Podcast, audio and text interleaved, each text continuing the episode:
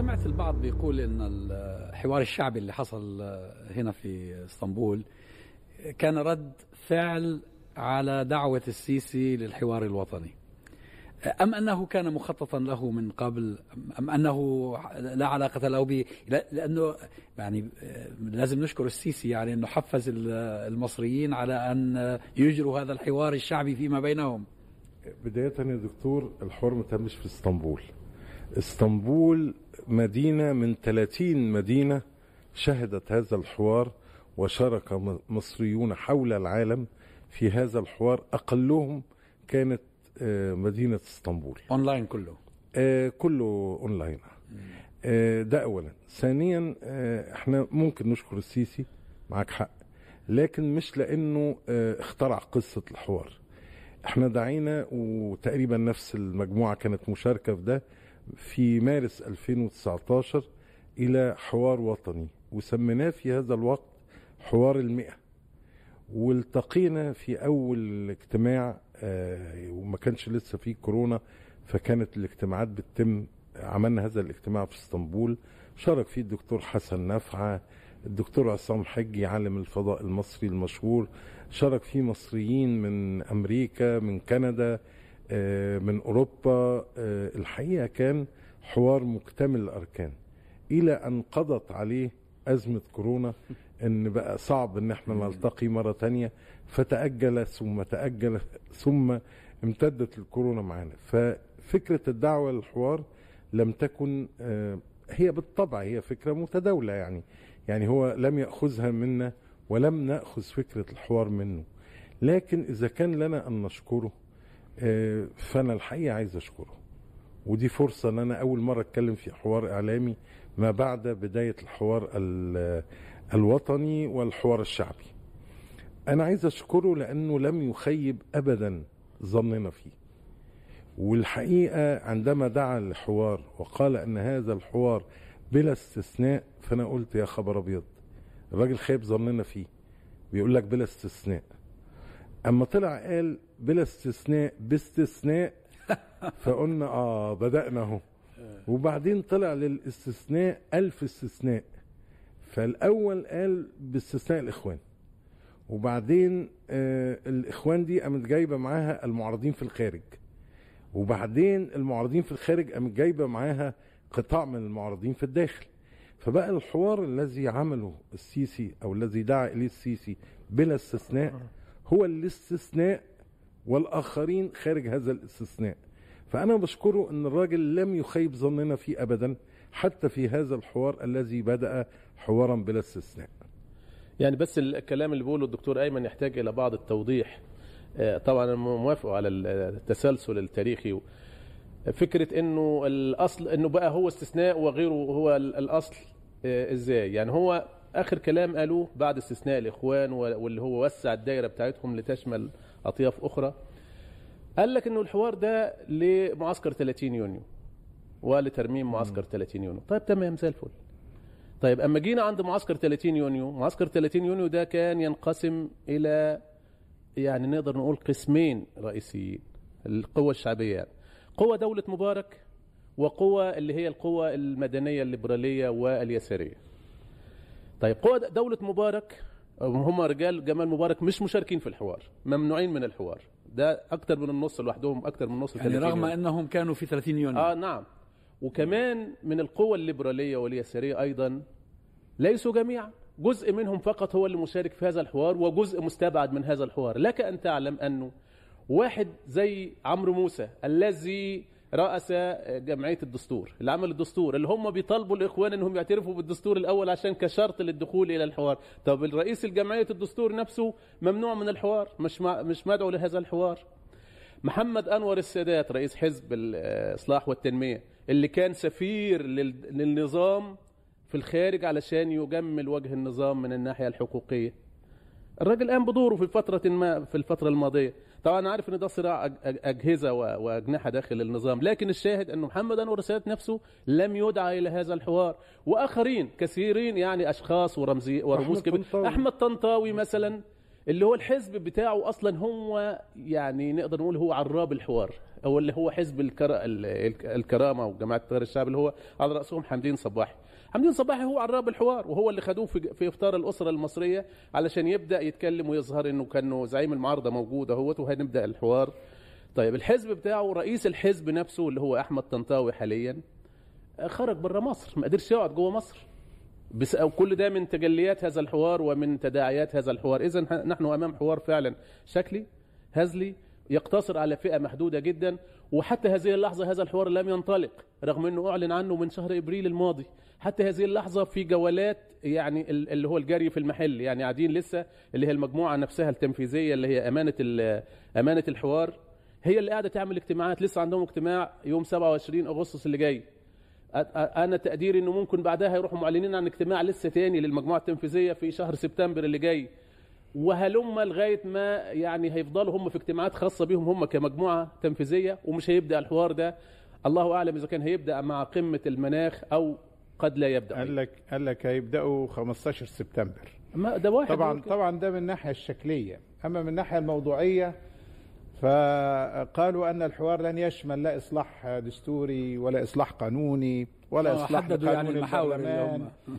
ولا آه، قضايا حقوق الإنسان ولا قضايا الحكومة. المعتقلين ولا الحكومة ولا طب هيشمل. إيه قال لك والله تنظيم الأسرة ومش عارف آه، الزيادة السكانية وهنشوف مش ع- يعني انتهى تمخض ال- ال- تمخضت فوق. القضية كلها زي ما بيقولوا تمخض الجبل فولد فأرا ففي النهاية يعني سيصبح حوارا بلا حوار لأن أي حوار يستثني بحث ال- القضايا الرئيسية والأساسية التي على أجندة أي تغيير أو إصلاح في هذا الوطن فطبعا بيضحك على الناس وهو في النهاية بيلعب يعني قضية آه، تنتهي إلى آه، أنه ليس في الإمكان أبدع مما كان وهو يصدر القضية للخارج فقط يرسل رسائل زي ما راح في ألمانيا في مؤتمر صحفي قال إحنا عندنا حوار وطني.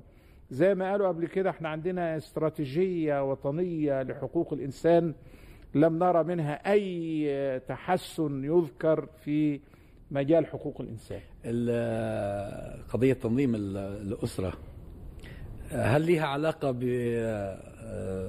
بمبادرة حل مشكلة الفقر من خلال إنقاص عدد السكان؟ ونقصوا. عدد السكان نقص. يعني يعني يعني المواليد 30% هو في الآخر الاحصائيات اللي قياسا بالعام الماضي يعني. الناس مش لاقية تاكل الآن يعني للأسف. أنت عارف عندما تزداد حالات الفقر والناس مشغولة بحياتها ما عندهاش فك يعني وقت تفكر في خلف لا بس أنا سمعت أنه هو هو مقترح ذلك كاقتراح. آه.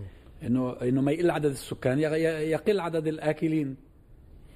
لا هي يعني سياسة في الدولة من آه. من من أيام مبارك إنه دائما الدولة بتضع على الشعب المصري المسؤولية الكبرى في إخفاقات الدولة في المشروعات التنموية المختلفة اللي الدولة طول الوقت من 70 سنة بتدعي بأنظمة مختلفة وبطرق مختلفة إنها بتحاول إنها تحسن أوضاع المصريين وما بتنجحش في إنها تعمل ده. فما بيلاقوش حل وطبعا هم ما عندهمش أي نوع من أنواع المساءلة ولا الشفافية فبيضطروا يعني يحملونا إحنا كمواطنين المسؤولية بتاعت إخفاقاتهم كناس بتقود النظام. لكن عود على بدء في قضية الحوار الشعبي والحوار الوطني لا أجد أي غضاضة ولا أي سوء في إنه آه، آه، فليتسابق المتسابقون. آه عبد الفتاح السيسي 24 إبريل آه، طلع في التلفزيون المصري وفاجأ الجميع وتحدث عن حوار آه، وطني يشمل الجميع بلا استثناء. فهذا خلق حالة سياسية جديدة. من إيجابيات هذه الحالة السياسية طبعا آه، ما يحدث للحوار الوطني كان المطلوب والمفروض أن نشارك فيه جميعا. لكن من الإيجابيات بتاعت الحالة دي عدة أشياء. أولا أنه أنت كل التيارات السياسية في الداخل وفي الخارج قالت لك أنا مستعدة للحوار. ده معناه إنك أنت في تغير فكري طرأ في التسع سنوات الماضية و... وده حصل بدون خلافات داخلية كبيرة ما بين المجموعات بعضها البعض فجوه كل مجموعة أو كل تيار أو كل حزب فكرة وجود الحوار معناها إنه رغبة المجموعات في الصراع أصبحت أقل. الأمر الآخر هو إن إحنا آه، آه، وإن كنا نبدو متسابقين لما لقينا بقى لا يوجد لنا مقاعد في الحوار الوطني وبقى مطلوب أشخاص معينة بتفصيل معينة بمحددات مش موجودة في أغلبنا. ففكرة التسابق والذهاب إلى حوار شعبي فكرة طبعا كانت من أفكار المهندس ممدوح حمزة. فكرة ليست بسيئة تماما وتم التلاحم معاها والتفاعل معاها وبقينا آه، اولا عملت حالة تانية إيجابية وهي حالة التوافق ال- الجماعي على العمل المشترك. أنت دلوقتي بقى عندك مجموعات عمل مختلفة متوازية بتشتغل في عواصم كتير آه، على ملفات أساسية أو ثمات أساسية كل ثمه فيهم آه، آه، شغالة وأصحاب كفاءتها الأقدر هم اللي مسيطرين عليها وبيديروا الحوار فيها. الحاجة الثانية إنك أنت خلقت بدل حالة هو دي ثورة ولا ده انقلاب خلقت حالة جديدة في التفكير عند اللي في الخارج مش موجودة عند اللي في الداخل وهو كيف يجب علينا أن نرى المشكلات وكيف نتعامل عليها. إحنا متعودين في معارضة كمعارضة مصرية طول حياتنا إن إحنا نحمل نضع ال- ال- ال- الجرس في رقبة القط. بتحمل النظام أو الحكومة اخطائه وبتقول للمواطنين عليها. لكن أنت انتقلت لمرحلة وكأنك تصنع آه، نظام آه، أو مجموعة عمل شادو جفرمنت يعني يعني آه، حكومة ظل. وده آه، خطوة فيها تميز كبير. الشيء الأخير وفي رأيي الشخصي يعني هو أنك النهارده نقلت كل المراقبين من الخارج والدول والموجودين لمربع آخر لم يكن النظام يود أن ينقل نفسه إليه. وهو إيه؟ هو النظام لما الناس بتيجي تسأله علي علينا في في الغرب أو في الشرق أو في الخليج أو في تركيا. فبيقول يعني دول شوارد آه، آه، ناس فرادة آه، يعني مدعومين من هنا ومن هناك وما عندهمش شكل واحد ولا فكرة واحدة وأغلبهم يعني عنده قضايا وهاربين من قضايا. تحول هذه الشوارد إلى كتلة سياسية. طبعا مش مع أول تجربة ما أنتجتش أفضل شيء. لكن إلى كتلة سياسية أثبتت للجميع أنها عندها قدرة أن تنتج أشياء. فبالتالي أنت ما يقدرش حد النهارده يتعامل معاك على اعتبار أنك صفر على اليسار. لا أنت بقيت جوه المعادلة السياسية. بل ضع وضعت النظام السياسي ده في آه، عملت له سقف لشكل الحوار. سقف وطريقة. هو مثلا كان عايز يعمل الحوار ده حوار للنخبة بيجيب مجموعة من النخبة زي ما الأستاذ قطب قال كده ويتفق معاها سياسيا مقابل الخدمات مقابل السلطة مقابل وات ايفر يشربوا الشاي بالياسمين. ويشربوا شاي بالياسمين ويسجل ويعمل- على الناس إنجاز. ويع... ويع... بس دلوقتي أنت اضطريت تقول له لا تعالى يا حبيبي عايز تعمل حوار. عملت سقف. لازم لازم تدخل الجمهور والجمهور لازم يخش ويبقى عنده رأي في الحكاية ويختلف مع صاحب المنصة وصاحب الرأي ويبقى في نوع من التفاعل. فأنت في الحقيقة بخطوة واحدة على رقعة الشطرنج يعني آه، عملت معادلة كبيرة جدا. أنا أعتقد أن عبد الفتاح السيسي نادم لم يكن يتوقع أن المعارضة بما في خصوصا جماعة الإخوان المسلمين والمعارضة في الخارج أن هم هيصدروا بيانات ويوضحوا في رسائل سياسية واضحة من خلال البرامج البرامج وال والمواقع وال... وال... وكل وسائل الاتصال يعني إنه لا إحنا عايزين نعمل حوار. لم يكن يتوقع هذا. الشيء الثاني لم يكن يتوقع إن إحنا هنعمل رد فعل بهذا الحجم وبهذه الكثافة وبهذا الحسن في الإدارة وفي التنسيق. أنا أنا بس يعني عايز أضيف لكلام أحمد. الحقيقة هم كان حساباتهم إيه؟ هو كان حساباتهم إن هيقول حوار آه ويقول لك لا يستثني أحد فهتطلع بعض الأصوات آه تقول نرفض الحوار ونرفض كذا وهذا قاتل وهذا منقلب. فيقول والله يا جماعة أنا عملت اللي. عليا وأنا دعيت الكل وقلت بلا استثناء وهم اللي رفضوا. صحيح. كانت المفاجأة بالنسبة له زي ما قال آه، أخوي العزيز أحمد إن ما حدش رفض لا أصوات متشددة. اسقط بين يديه. ف- فبقى في. أزمة. فأنا قلت من غير استثناء اضطر بقى يقول لك يعني أنا قلت من غير استثناء بس باستثناء. فقلنا له طب وماله؟ مش مشكلة.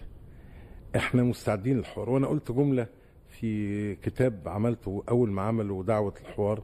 عملت كتاب حوالي 106 صفحة بنقول ما هو الحوار؟ إحنا عندنا تجارب للحوارات في العالم وفي الدنيا كلها. وقلت يعني لا يوجد عاقل يرفض الحوار. بس ما فيش مجنون يقبل بحوار بلا شروط وبلا مواصفات.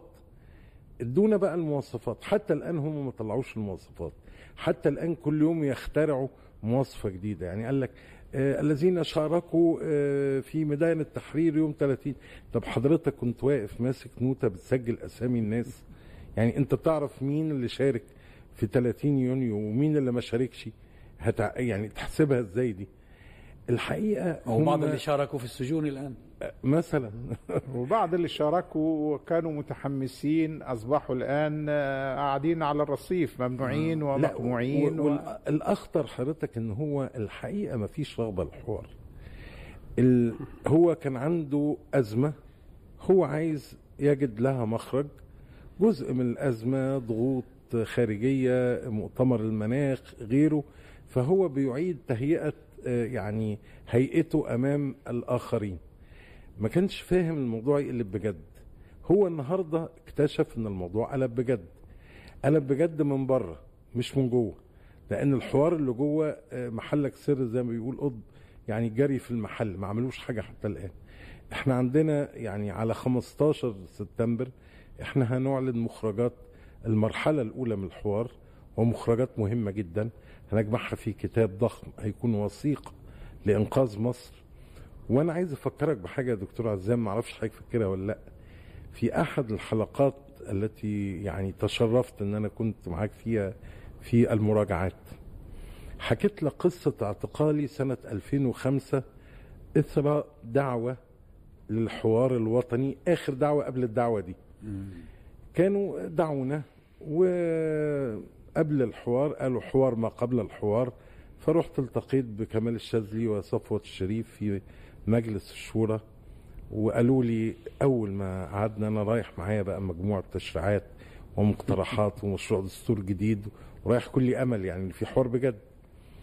فأول ما قعدت قالوا لي على فكرة كان قاعد هنا الدكتور رفعت السعيد اللي هو بتاع حزب التجمع والدكتور نعمان جمعة اللي هو بتاع حزب, الوفد.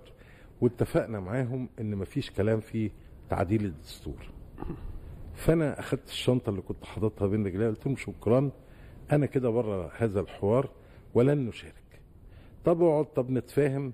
قلت لهم وكانوا عاملين مؤتمر صحفي في الخارج. قلت لهم أنا هطلع أقول إحنا بنطالب بتعديل الدستور ولا حوار دون حديث عن تعديل الدستور. فأنا بحكي القصة دي ليه؟ أنا طبعا خرجت من الحكاية دي اعتقلت. ودخلت بقى في دوامه اعتقالات ولم أحضر هذا الحوار اللي كان آه، يعني المفروض إن أنا كنت مدعو رئيسي فيه. ودخلنا بقى في دوامة الاعتقالات بسبب هذا الحوار. فموضوع الحوار الحقيقة خبرتنا فيه ليست دائما خبرة طيبة. والأخطر يا فندم إن يبقى في حوار دون الحديث عن الوثيقة الرئيسية الحاكمة للمجتمع. هذا هو العقد الذي يجب أن يعني يناقشوا ويفصلوا ويعدلوا أي حوار حقيقي حوار مجتمعي أو حوار شعبي أو حوار رسمي فكونه يستبعد هذه الوثيقة فإحنا دخلنا من الجد إلى الهزل.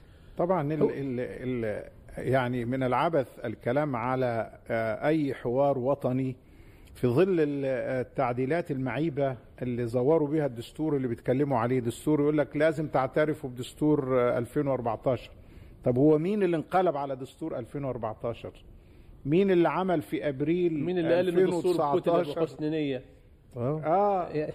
أنت عايزنا ن- ن- نوافق على دستور كتب بحسن نية؟ إحنا لا. آه طبعا آه هو لأنه كان يضمر النية الس- الس- سيئة. نية السوء نية السوء من قبل. فجه في 2019 راح مزور الدستور. الدستور كان فيه المادة اللي هي آه، في مادة حاكمة. المفروض إن هي تقول لك وفي كل الأحوال لا يجوز تعديل المواد المتعلقة بمدد رئيس الجمهورية. يعني في دي مادة فوق. دستورية. آه. يعني في ألمانيا في مواد فوق دستورية في فرنسا في مواد فوق لا يستطيع أحد أن يعدلها. آه، هذا أتى لهذه المادة وبالمناسبة أبقى أيضا على نص المادة اللي بتقول لك وفي كل الأحوال لا يجوز تعديل آه. المواد يعني أصبح معدل يعني. وراح معدل يعني ده دستور ما بقاش دستور ده بقى ده انت ده انت مزقت أوصال هذا الدستور و و و و و وألقيت بهذا الدستور في سلة المهملات ولم تحترمه رغم أنك أكدت عدة مرات على أنك ستحترم الدستور وأمام الصحافة العالمية قلت آه، لن آه، يكون هناك فترة أكثر من المدتين اللي هم الثمان سنوات. وجاي الآن يقول لك نعمل آه، حوار. طب يعني ولماذا لا يكون هذا الحوار على يفتح فيه هذا هذه التعديلات لا، هو هو الشائهة. هو هيرد عليك هيقول لك إيه؟ أنا عدلته باستفتاء شعبي والشعب هو اللي وافق على التعديل. أنا هقول لك واقعة واحدة زميل لينا اسمه المهندس أحمد بدوي. جه يوم الاستفتاء ال- الشهير ده شال ورقة ورقة صغيرة كده آه، متر في نص متر وقف أمام لجنة في مدينة نصر قال أرفض تعديل الدستور أو لا للتعديلات الدستورية حتى هذه اللحظة اللي إحنا قاعدين. فيها معتقل. معتقل لا. طب الدولة طالبة إن تقول نعم أو لا الراجل ده وقف قال لا اعتقل وحتى الآن ما خرجش ومعتقل فين بقى حضرتك في أوحش سجن في تاريخ مصر اللي هو سجن ال- العقرب. وحاجة يعني لمجرد إن هو قال طب هو ده كان استفتاء بقى.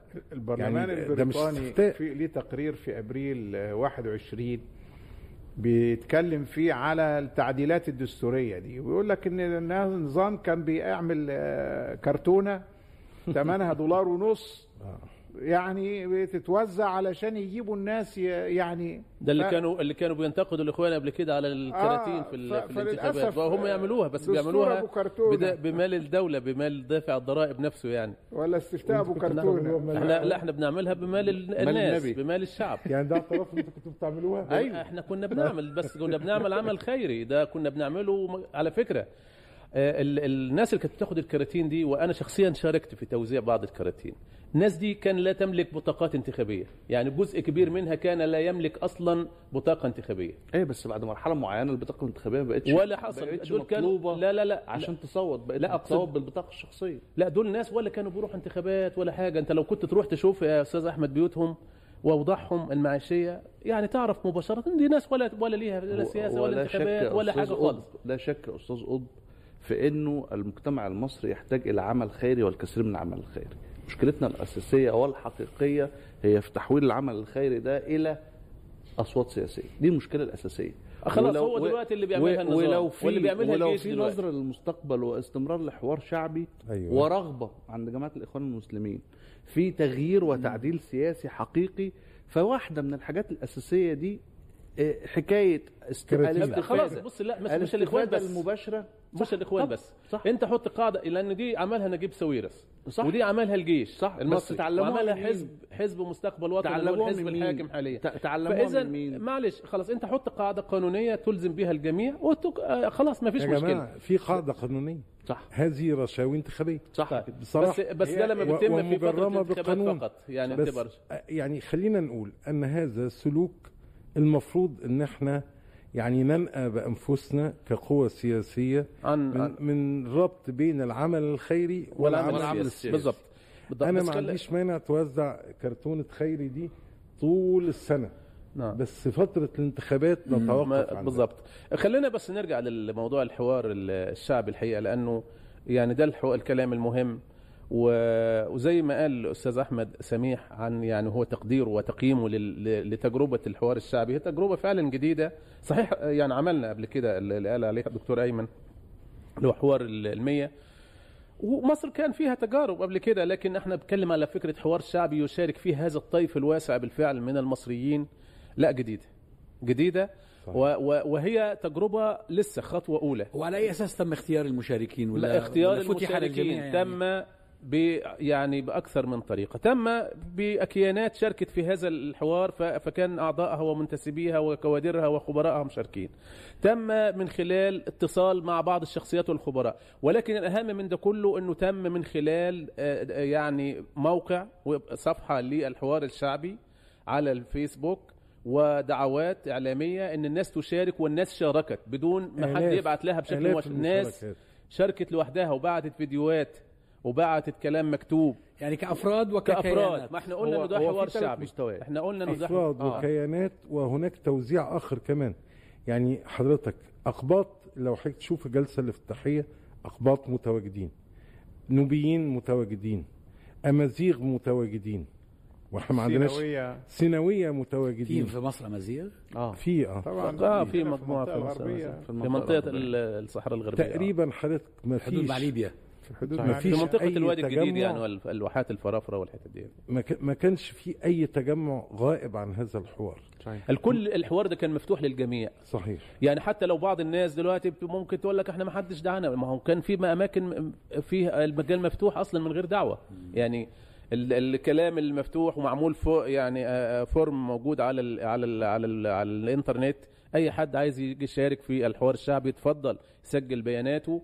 يسجل آه، مشاركته لو هو عنده مشاركة صوتية مرئية مكتوبة يسجلها. وفعلا يعني كم من الفيديوهات كبير جدا. وطبعا أستاذ أحمد كان من ضمن اللي بيذيعوا بعض هذه الفيديوهات على في البرنامج بتاعه وفي بقية البرامج يعني في قناة الشرق. لله الشرف طبعاً. موجود على ال على ال على ال website بتاع الحوار. فاذا حوار كان حوار شعبي وإحنا كنا كان من الأول ممكن نعمله حوار نخبوي. وده الطريق الكلاسيكي خالص للحوار إنك أنت برضك بتجيب شوية أفندية ويعني خبراء في مجالات متخصصة ويتكلموا لكن أنت فتحته بس عشان تعطيه هذه الصبغة الشعبية فهو حوار شعبي. طبعا إحنا لسه ما زلنا بنقول إحنا في سنة أولى سنة أولى حوار. لا هو الحوار ممتد يا أستاذ قطب ما أنا بقول هو لسه إحنا في ال- أول ما- أنجز آه، لكن الأسبوع ال- الأول منه هو ال ال ال ال الجانب السياسي. صحيح ما إحنا لسه الحوار إحنا الاقتصادي إحنا لا يزال يعمل الحوار لسه ما. زال إحنا هو ثلاث اللي هو محاور بكرة بيديره الدكتور محمود محمود وهبة. من آه. واشنطن وده وبعد خبير كده آه، رجل اعمال وخبير الحوار اقتصادي ال- الحوار ال- المتعلق بالأمن القومي والتنمية والمشروعات الشاملة. والتنمية الشاملة ده آه، لسه آه، الأسبوع القادم الأسبوع القادم يعني حد نعم. حد اللي بعد بكرة آه، 21. يبدأ. فاحنا لسه لسه الحوار لم ينتهي الحوار لم ينتهي. منتصفه حتى الآن لكن أنا عايز أقول إنه الجولة الأولى منه يعني حتى الآن هذا هذه الجولة التي ظهرت حتى الآن يعني الحقيقة بتعطي يعني كم من التفاؤل لا بأس به. يعني أعطتنا جرعة. صحيح. جرعة كويسة جدا. لنا كمعارضة حتى في الخارج إن إحنا آه، اثبتنا إن إحنا موجودين وإن إحنا قادرين على إن إحنا نقعد مع بعض إننا قادرين على أن نقدم بدائل وس- وسياسات بديلة. يعني ناس كده الحقيقة عندنا ناس قدمت أوراق محترمة جدا في مجالات مختلفة. صحيح. فيها فيها آه، يعني نقد للسياسات القائمة وتقديم سياسات بديلة. الخبرات نعم؟ صحيح. مصر لا تنقصها الخبرات من يستفيد من هذه الخبرات؟ يعني هم مس... هم الناس ما صدقوا لقوا منبر يعني أو مكان يقولوا فيه خبراتهم وإحنا وفرنا هذا ال- المنبر.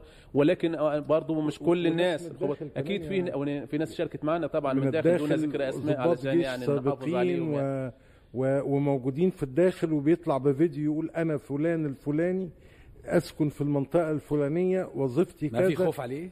في هو يعني ربنا يصلح مرحلة من هي شجاعة من كان في جو- طريقتين منهم جزء شارك باسمه مباشرة وعمل فيديو وبعضهم شارك في النقاشات بدون يعني طبعا ما يعني آه، ما يذكر اسمه. يعلن هذا ال- الأمر. فإذا هي أو خطوة كويسة. آه، على الأقل عمل التنشيط للمعارضة نفسها. على الأقل عمل التنشيط للمعارضة اللي موجودة في الخارج اللي هي على مدار 8 سنين أو قبل كده يعني ما كانش عندها حاجة تقولها غير إنها بتعارض النظام و...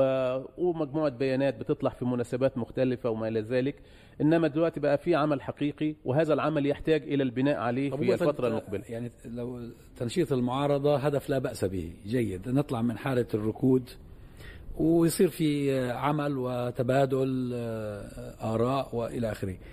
لكن الهدف الأكبر من ذلك ما هو؟ يعني هل, هل يمكن لهذا الحوار أن يقنع النظام في يوم من الأيام بأن ينفتح على الشعب بأن يتراجع عن بعض السياسات بأن يطلق سراح المعتقلين بأن يعيد الاعتبار للناس الذين شردوا في الأرض ومصر في أمس الحاجة إليهم؟ يعني ما هي الغاية الغاية يا دكتور التغيير. والتغيير في مصر مسألة معقدة جدا. ليه؟ لأن مش بس النظام والسيسي وأعوانه وأجهزته اللي ضد التغيير. في قطاع من المصريين الحقيقة. ضد التغيير. من المجتمع فعلا. متخوف. عنده مخاوف وهواجس والإعلام وأذرع النظام في الإعلام استطاعت أن تصدر له انطباع أن التغيير ده هيبقى الأسوأ. فإحنا نحمد ربنا على اللي موجود ونقول يا رب يديمه بدل ما يجي حاجة أوحش. والناس مش عارفة ليه؟ لأن الناس مش شايفة بدائل أو رؤى واضحة ومش شايفة هذه الحالة من الاصطفاف اللي تطمنها فالناس ما زالت متخوفة من التغيير. أنا بعتقد أن الحوار الشعبي ومخرجاته وما يبنى عليه هو أكبر تطمين للمصريين وحتى للفئات المتخوفة آه، زي الأقباط وغيرهم عندهم مخاوف. آه، عودة مش عارف إيه يحصل إيه. هذا الكلام في وثيقة هتطلع عن ال- الحوار الشعبي في أول مخرجاته. فيها حوالي عشرين آه، مبدأ وقيمة توافقنا عليها.